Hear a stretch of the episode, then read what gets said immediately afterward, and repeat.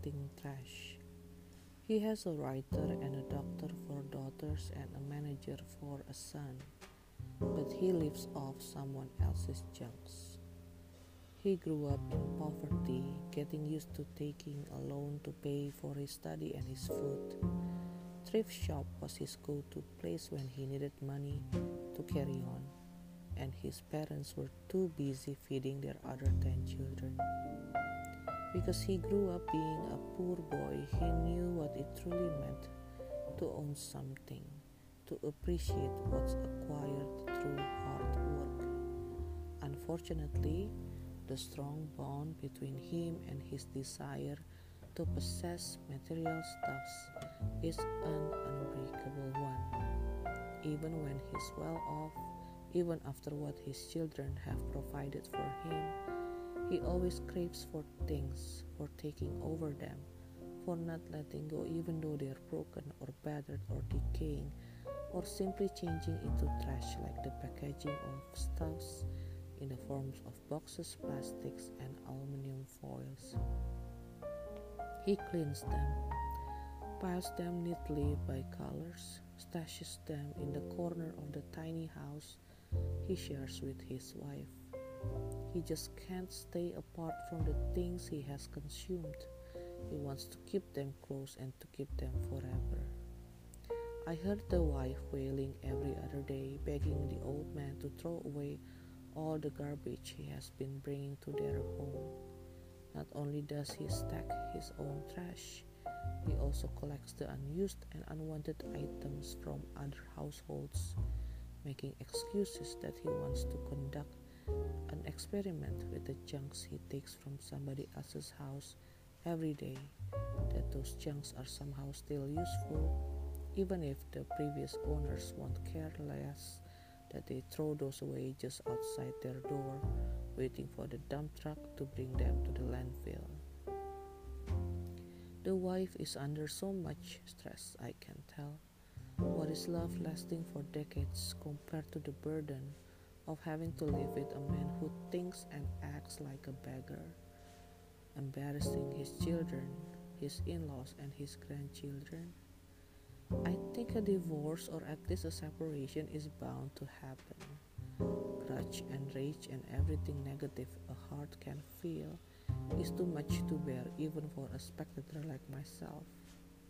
Day by day, I can see that it gets worse, especially when the said old man started having hens and roosters for a pet.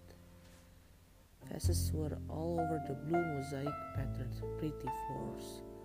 From afar, I can also smell the poop, and I can't imagine what a burden and a grief it will be for the wife to clean it every day. The tiles were selected carefully, oh, how she wanted to make their tiny house comfortable to live in. But the old man, who lives like a beggar, can't live normally and with dignity, even though his children and their social status are requiring him to change and to start having respect towards his surrounding and moreover towards his growingly annoyed and insane wife. I'm so afraid she will snap someday and have brain damage. I heard it happens if someone is under a tremendous stress.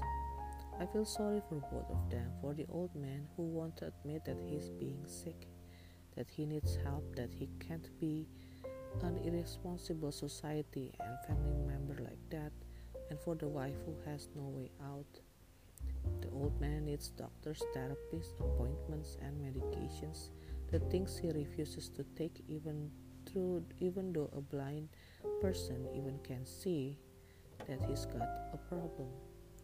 His children are beyond embarrassed by what kind of person their father is.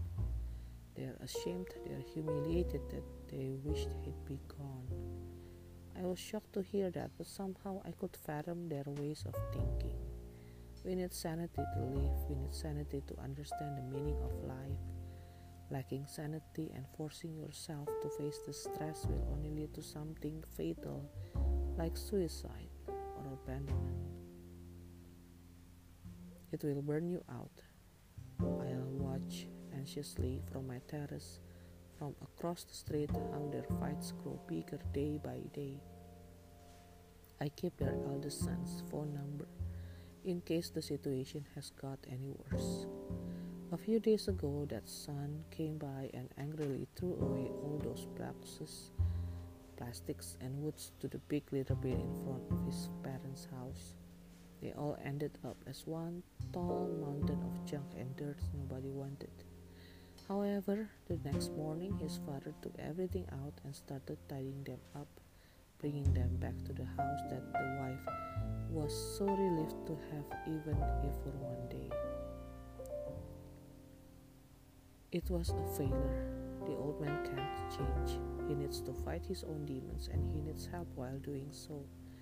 In the meantime, I can only watch from the safeguard of my home and my tall fence. I pitied the old man and I purposely ignored the growing number of nail paint bottles in my dresser. I'm afraid to tell my neighbor's son that I also have a problem. I'm afraid of the solution offered. I'm terribly fearful of what will happen to my treasure, to my collection, and to my reputation. A hoarder shouldn't be reporting another hoarder, should she? Even hoarders need solidarity among them.